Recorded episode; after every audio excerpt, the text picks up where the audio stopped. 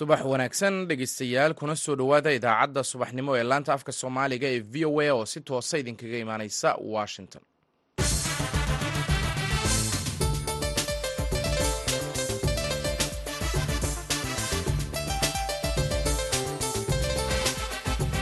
waa subaxnimo khamiis ah bisha febraayo waa lix iyo toban sannadka labada kun iyo saddex iyo labaatanka.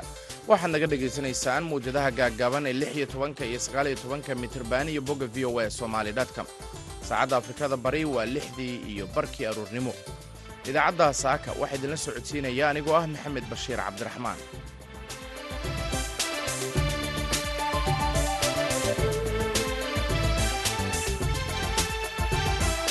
qodobada dhegaystayaal aad idaacaddeenna saaka iyo caalamka ku maqli doontaan waxaa ka mid ah maamulka galmudug oo sheegay in dagaalka ka dhacay deegaanka qaycad ay ku dileen shan iyo konton xubnood oo ka tirsan ururka al-shabaab. Qabaarista wuxuu geystay khasaaro aad iyo aad fara badan ilaa konton iyo shan dagarqabayaal ah oo ay ku jiraan joogayaal ayaa looga dilay. Sidoo kale waxaa laga furayo hub aad u badan oo beekaamiyo iyo sadan iyo aake waxaad kaloo maqli doontaan somalilan oo mamnuucooday khamaarka ay dhallinyaradu aad dhinaca onlineka uga ciyaaraan. Qodobadaasi iyo warar kale oo ku saabsan soomaaliya iyo caalamkaba ayaad maqli doontaan dhegaystayaal balse intaasi waxaa ka horeynaya warkii caalamka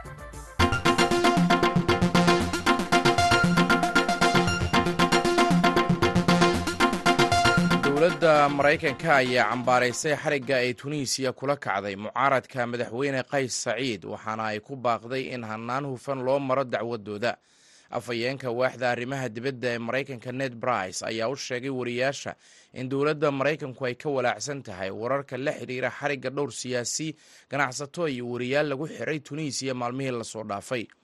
Booliiska ah dalkaasi ku yaalla waqooyiga afrika oo ah halkii uu ka curtay kacdoonkii carabta ee sannadkii labadii kun iyo koob iyo tobankii ayaa ilaa sabtidii xabsiga dhigay ilaa toban qof oo ku jiro milkiilaha idaacad aad loo dhagaysto ahna ganacsade caanka ah dalkaasi. Xisbiga badbaadada qaranka ee mucaaradka ah ayaa sheegay in xarigu uu ahaa fal argoosi ah oo aan sharciyad lahayn saciid ayaa qeyb badan oo awoodaha dalkaasi ah la wareegay bishii luulyo ee labadii kun iyo koob iyo labaatankii markii uu kala diray baarlamaanka kadib dhibaato dhaqaale oo dalkaasi wajahay tallaabadaasi ayaa markii hore u soo jiiday taageero shacab laakiin waxa uu wajahayaa eedo ah inuu isku bedelay madaxweyne kali talis golaha ammaanka ee qaramada midoobay ayaa arbacadii shalay waxa uu muddo sagaal bil ah ku kordhiyey xanibaadaha hantida iyo xayiraadaha socdaalka ee la saaray tobaneeyo muwaadin oo u dhashay dalka yemen kuwaasi oo u badan xubnaha ugu sarreeya kooxda xuutiyiinta ee taageerada ka hesha iiraan iyadoo xayiraadahaasina loo saaray colaadda dalkaasi ka socota qaraarka golaha oo si wada jira loo ansixiyey ayaan wax ka bedeli doonin cunuqabateynada horey loo soo rogay iyadoo keliya uu qeexayo in shan iyo tobanka noofembar ay tahay taariikhda cusub ee tallaabooyinkani ay ku egyihiin guddiga khubarada ee loo xil saaray maaraynta cunuqabateynta ayaa loo kordhiyey muddada waajibaadkooda shaqo oo hadda la siiyey ilaa shan iyo tobanka disembar golaha ayaa dib u xaqiijiya xayiraada hubka taasi oo lagu beegsanayo kooxaha xuutiyiinta waa kooxda xuutiyiinta taasi oo beegsanaysay sanadihii la soo dhaafay. Xayiraadaasi ayaanay jirin waqti loo qabtay inay ku eg tahay. Yemen oo ah dalka ugu saboolsan jasiiradda carabta ayaa tan iyo labadii kun iyo afariyo tobankii waxaa baabi'iyey dagaal iyadoo ay isaga soo horjeedaan xuutiyiinta iyo ciidamada dowladda ee taageerada ka hela isbaysiga uu sacuudigu hogaamiyo. Warkii dunidana dhegeystayaal waa naga inta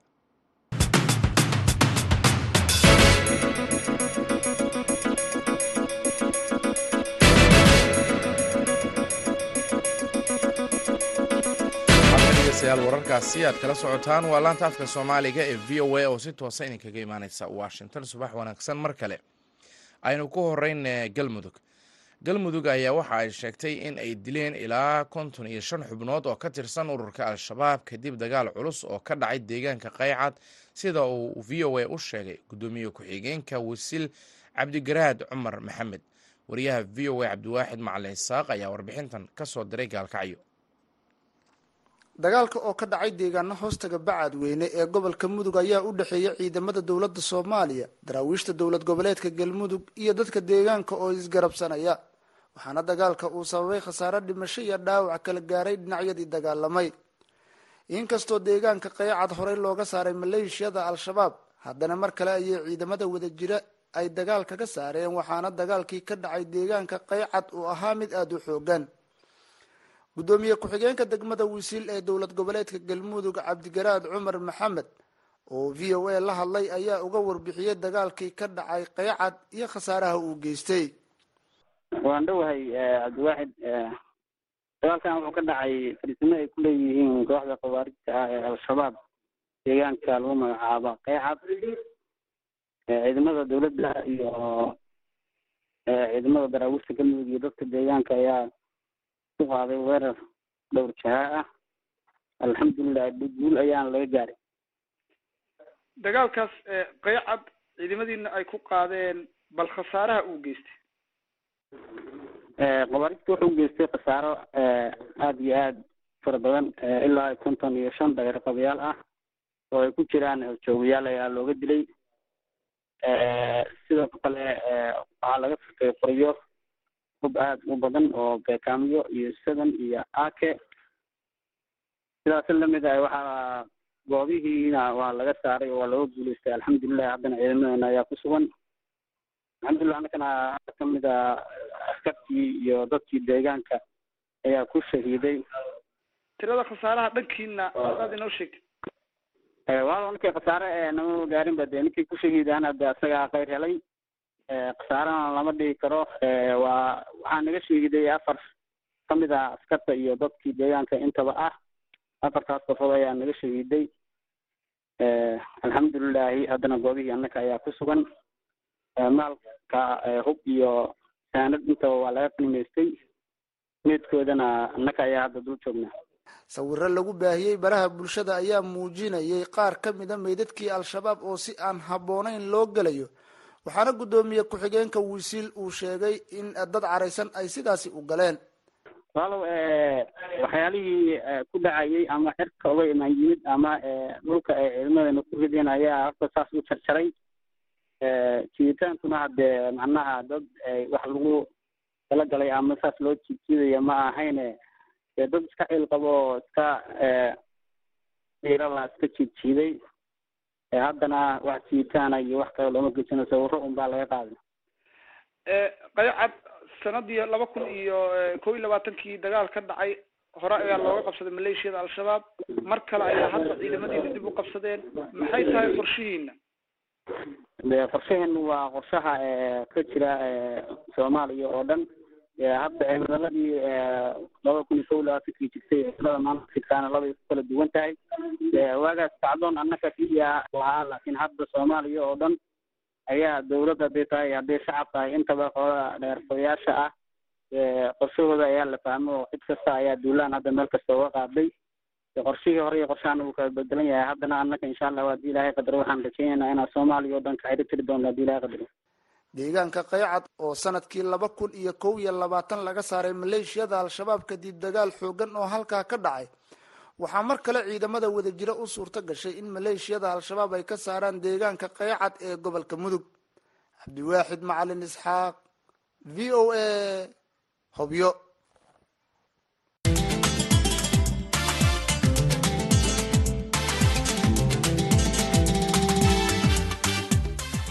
aad buu mahadsan yahay cabdiwaaxid macalin isaaq oo warbixintaasi ka soo diray magaalada hoobyo halkaad nagala socotaan waa laanta afka soomaaliga ee v o a oo si toosa idinkaga imaaneysa washington.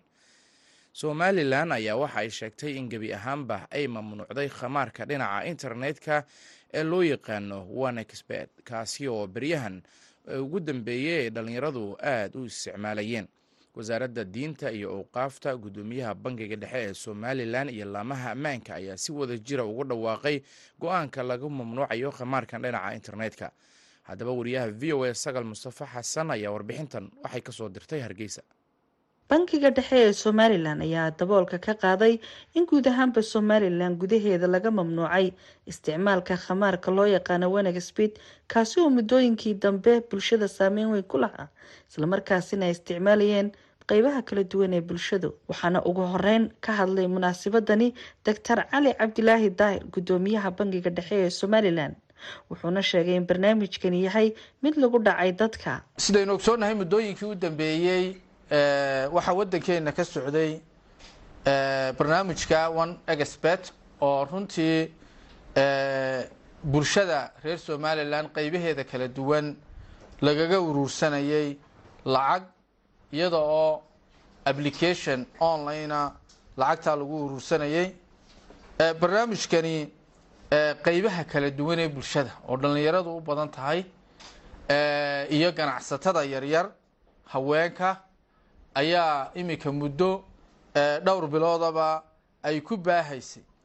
Sidaa darteed baanka dhexe ee jamhuuriyadda somalilan waxaanu ku wargelinaynaa dhammaan bulshada reer somalilan iyo hay'adaha maaliyadeed ee dalkeenna hay'adaha kala duwan ee dowladda ay khuseyso iyo hay'adaha nabadgelyadaba in barnaamijka one expert dabcan magacaaba ku tusaya barnaamijkani inuu yahay barnaamij khamaar ah oo adduunka o dhan ka jira. Inuu mamnuuc ka yahay jamhuuriyadda somalilan laga bilaabo taariikhda maanta in tallaabo sharciga waafaqsan laga qaadi doono cid kasta oo lagu arko barnaamijkan laga bilaabo maanta. Siiwadkiisa hadday tahay kuwii lacagta urursanayay ee ku shaqaysanayay iyo hadday tahay cidda u gudbinaysa ee lacagtooda meesha kayr sharciga ah ku bixinaya. Dhanka kale wasiirka diinta awqaafta somalilan sheekh cabdirasaaq albani ayaa sheegay waxa diinta islaamku ka qabo isticmaalka khamaarka. Dhammaan dadka reer somalilan in ay iska ilaaliyaan xoolahooda in lagu dhaco arrin khamaara oo khiyaamo ah oo noqonaysa tii ilaahay uu xarimay subxaanahu wa tacaala. Ilaahayna subxaana wa tacaala wuxuu yidhi walaa taakuluu amwaalakum baynakum bilbaatil. Xoolihiina baatil ha ku kala cuninina waxaa ilaahay yidhi inama alkhamru walmaysiru waalansaabu waalaslaamu rijzun min camali shayطaani faاjtanibuuhu lacalakum tuflixuun. Aayaddaas waxay inoo sheegtay ilahay inuu xaaraantilmeeyey maysirka. Maysirkuna waa khamaarka hoggaan ku-xigeenka ciidanka booliska somalilan gaashaanle sare cabdicasiis sheekh ismaaciil ayaa sheegay in ciidanka booliska somalilan uu tallaabo ka qaadi doono ciddii uu ku arko isticmaalka khamaarkan one exbet applicationka ama khamaarka loo yaqaano one exbit kaas oo ah khamaarkii hudheelada loo tegi jiray ee lacagta la dhigan jiray ee la kala heli jiray ee la odhan jiray bakhtiyaa nasiibka kii oo application laga dhigay oo moobeelada dhallinyarada loo soo geliyey weeyaan. Sharciga aynu ku dhaqanno somalilan ahaan iyo xeerarka ciqaabta ee dalka u yaalla way xaaraantinimaynayaan qodobada shan boqol iyo shan iyo konton iyo shan boqol iyo konton iyo lix iyo shan boqol iyo konton iyo saddex ee xeerka ciqaabta guud waxa uu ka sheegayaa in ay tahay faldembiyeed leh ciqaab dheer iyo ganaax labadaba. Cid kasta oo lagu qabto ama uu ciidanka biliisku ku qabto iyaga oo ku guda jira barnaamijka ama applicationka one exbit waxaa laga qaadi doonaa tallaabo sharci oo ku habboon waxaana la horgeyn doonaa hay'adaha sharciga si loo sagal mustafa xasan nuur v o a. Hargeysa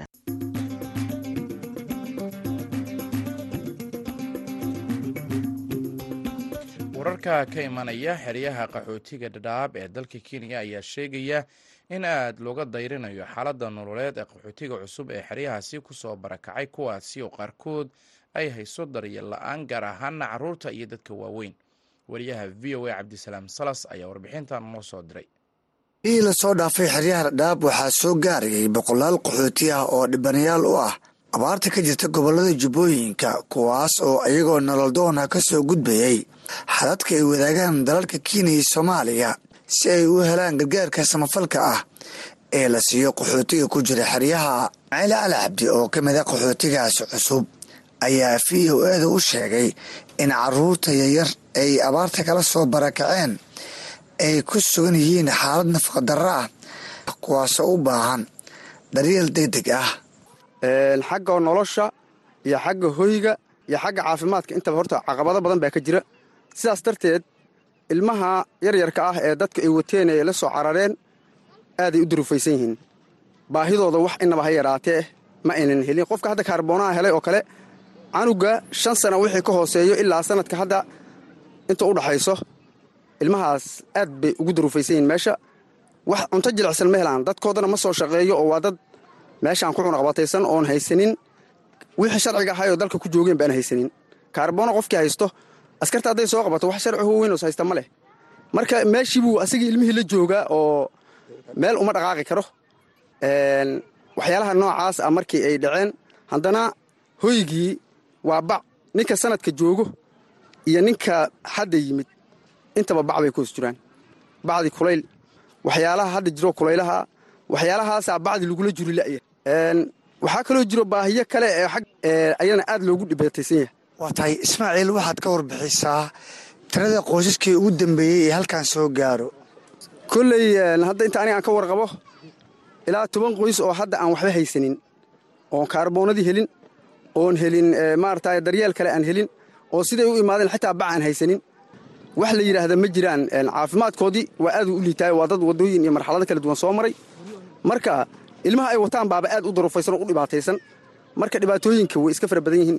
Dhinaca kale qaxootigan cusub ayaa ah kuwa aan la qabsan cimilada kulul ee deegaanka ayaa ah kuwa maalin kasta aan heli karin biyo ku filan. Deeqow deerow cali oo ka mid a qaxootigaasi dhowaangalka ah ayaa v o eda uga warramay saameynta uu ku yeeshay heer kulka deegaanka. Meesha dhibaato adag baa nugu haysato dadka bulshada meesha ku nool ee qaxootiga cusub ee hadda soo barkacay ee soomaaliya ka yimid markaa dhib baa meesha ku haysto waxaa nugu haysataa gori la'aan waxaa nugu haysataa qorax waxaa nugu haysataa dabeel oo siigada meel bannaan waxaan fadhinaa baloonida ay baloonta ku dheeli jirtay geed naga qarinhayo geed naga qarinhayo ma laho guri kuma jirno marka siigadii iyo qoraxdii iyo dhaxantii iyo dabeeshii baan u rafaadnay waxaana soo duldegey oo hadda barakaha hor leh kuwa horlaa nugu saxroonayo annagoo waxba aana haysanin oo waxaan ka soo qaadanaa meesha raashinka loo doonanahay ay wax yar tahay iyo waxaana yaraana lala qabsaday. Marka qoraxdii nagu dhaceysay oon barnaanka u fidhinay oon hoy iyo guri aan u haysanin waxaa noogu darmaday caruurtii qoraxdii waxday ku dhaceen way shubmeen uurka laga wada qabtay qaxootigan cusub oo aan haysan cunto hoy iyo biyo ku filan. Ayaa codsanaya in cuntooyinka laga bedelo carruurta iyo dadka da'da ah oo sheegeen inay u baahan yihiin cunto jilacsan si ay uga soo kabtaan daalka nafsadeed oo ay ka dhexleen abaarta ku dhufatay deegaanada ay ka soo barakaceen kolley waxaan leeyahay un dadkan in ay qaabisho ooy meel xera ah ay geyso ooy xagga hoyga ay ka caawiso raashinkanna ay wax ka beddesho oo ilmaha yaryarka ah iyo waayeelka waa aaday ugu dhibaataysan yihiin raashinkii asagaha waa cuni waayeen ilmihii iyo dadka waayeelada ahaa. Sidaan hadda kuu sheegahayay qoyskaygoo hadda toban qof ka kooban shan canugaa iyo yaryar shantaas canug ma helaan innaba ha yaraatee cuntadii ayaga ay rabeen ma helaan cambuuladii disayna ma cuni karaan. Cabdisalaan salas v o a xeryaha dhadhaab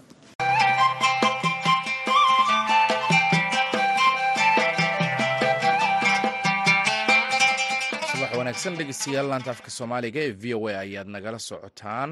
Dowladda ruushka ayaa waxa ay dadaal weyn ugu jirtaa in ay xoojiso xiriirka ay la leedahay waddamada muslimka ah iyo dalalka kale ee afrika tan iyo intii uu bilowday duulaanka moscow ee ukrain reer galbeedku waxay cadaadis saareen sidii ay u go'doomin lahaayeen ruushka. Haddaba dalalka uu iminka ruushka xoogga saarayo xiriir weyn inuu la yeesho oo u badan wadamo muslim ah iyagoo ma ka faa'iideysan doonaan fursadahaasi iyadoo dhinaca kalena yurub ay dadaallo ugu jirto inay xoojiso xiriirka ay la leedahay dalalka qaaradda afrika wariyaha v o a ee qaaradda yurub cabdixaafid cawil ismaaciil ayaa arrimahan ka wareystay maxamed xasan dable oo ah falanqeeyo degan magaalada leicester ee dalka britain.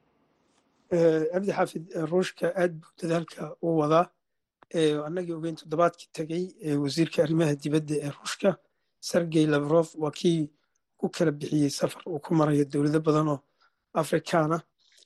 Maaliba ha ugu horeysa iyo masar iyo maxay ahday sudan dadaalkaasi sida la ogsoon yahay wuxuu la socdaa in uu dardargeliyo xiriirkii uu la lahaan jiray dowladahaasi waagii uu sovyetka ahaa maadaama yurub iyo maxay ahaday xiriirka yurub ula lahaa iyo maraykanka ama reer galbeedkaba guud ahaan uu aad u xumaaday kadib dagaalkii uu ukraine ku qaaday ruushka labadii kun iyo afar tobanka ka soo bilow markuu krimiya goostay ilaa iyo maxay ahaday hadda dagaalkii labadii kun iyo laba iyo labaatanka ee febraayo ka qarxay ukraine. Ee haddaba iminka socdo. Arrimaha awgood cunaqabatayno badanoo la saaray. Ruushka wuxuu u arkay inay muhiim tahay in uu dadaal diblomaasiyadeed mid ganacsi mid istaraatiijiyadeed difaaceed intaba inuu soo ceshado dowladaha uu maaragtay waagii hore xiriirka fiican la lahaan jiray markuu soviyedka ah haddiiba ay u suurto gasho moscow inay xoojiso xidhiidadaasi waxyaabaha uu ka faa'idi kara maxaa ka mid ah?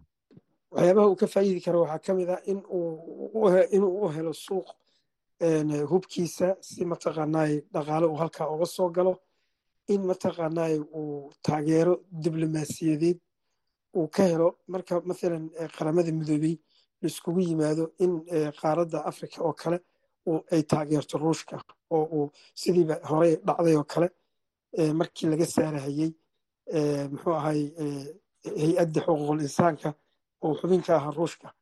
Dowlad badan oo afrikaana runtii wayna maqnaayeen ama way ka gaabsadeen meesha ay in aan aad u tiro badnayn ay doorasha ay mataqaana ay u codeeyeen in laga saaro halka.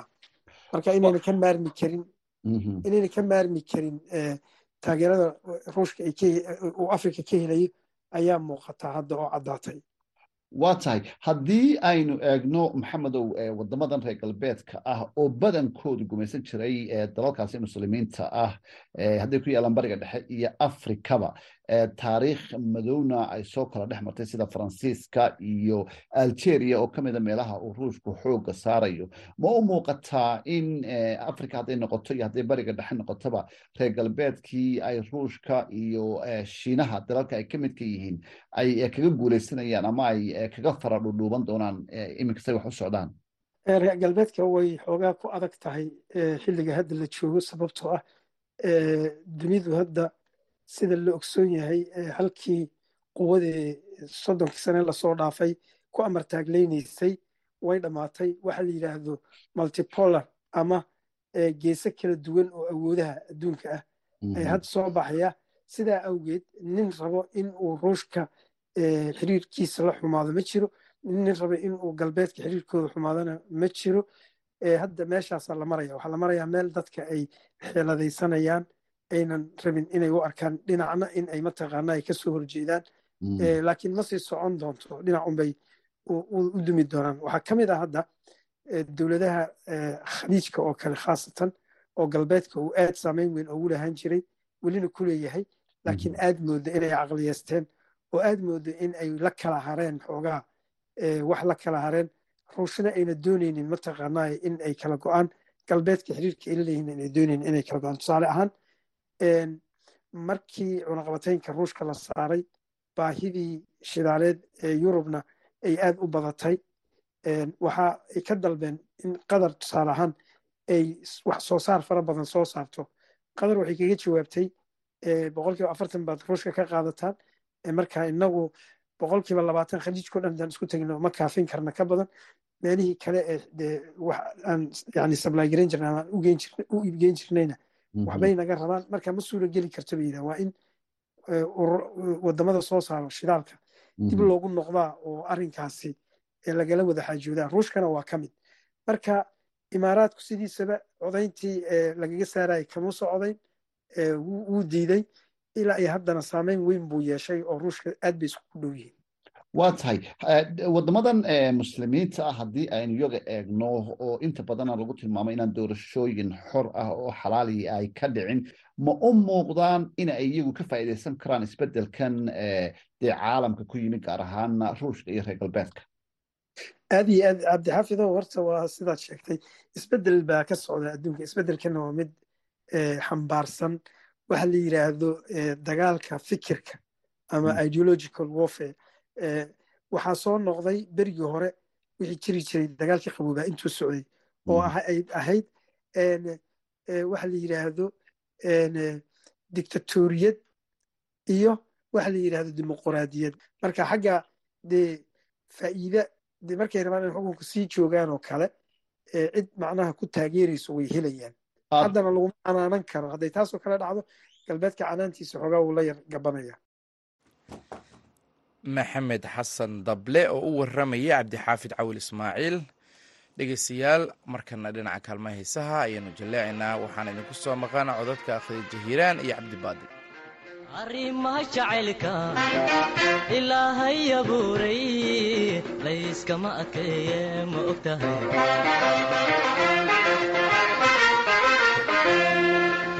aadaniyo xaawaba kalgacaylka awgiis way kala irdhoobeen amraane.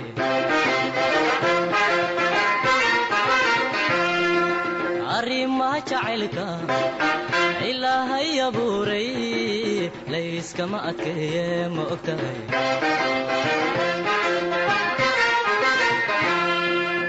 aadaniyo xaawaba kalgacaylka awgiis way kala irdhoobeen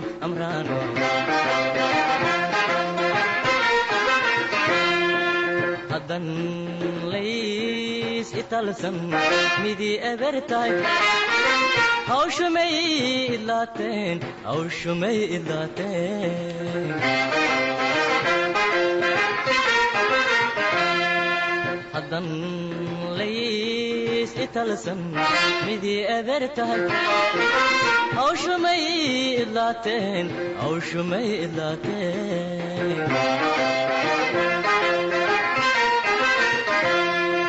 hayguu ernin ina yahay arooskeenna wacaniyo aqalkan dhisayno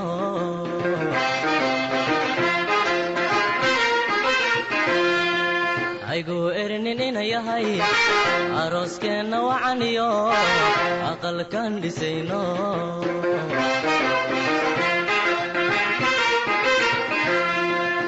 Araggaaga oo qura kumaan iibsaden ee adduunyada.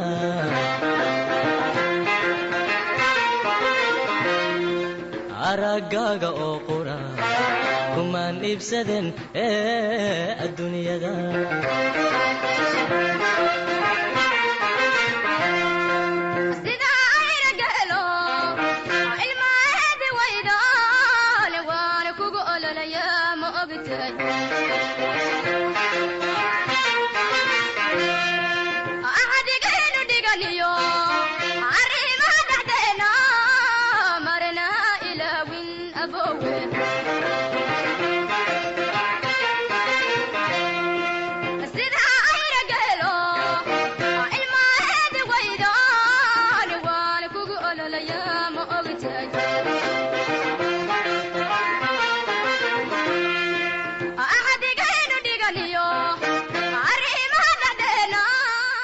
codadkaasi khadiija hiiraan iyo cabdi baadil. Waxay gebagabo u ahaayeen idaacaddii subaxnimo oo si toosa idinkaga imaanaysay laanta afka soomaaliga ee v o a.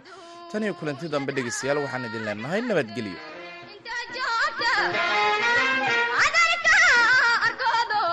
Naftu ku ogolaatee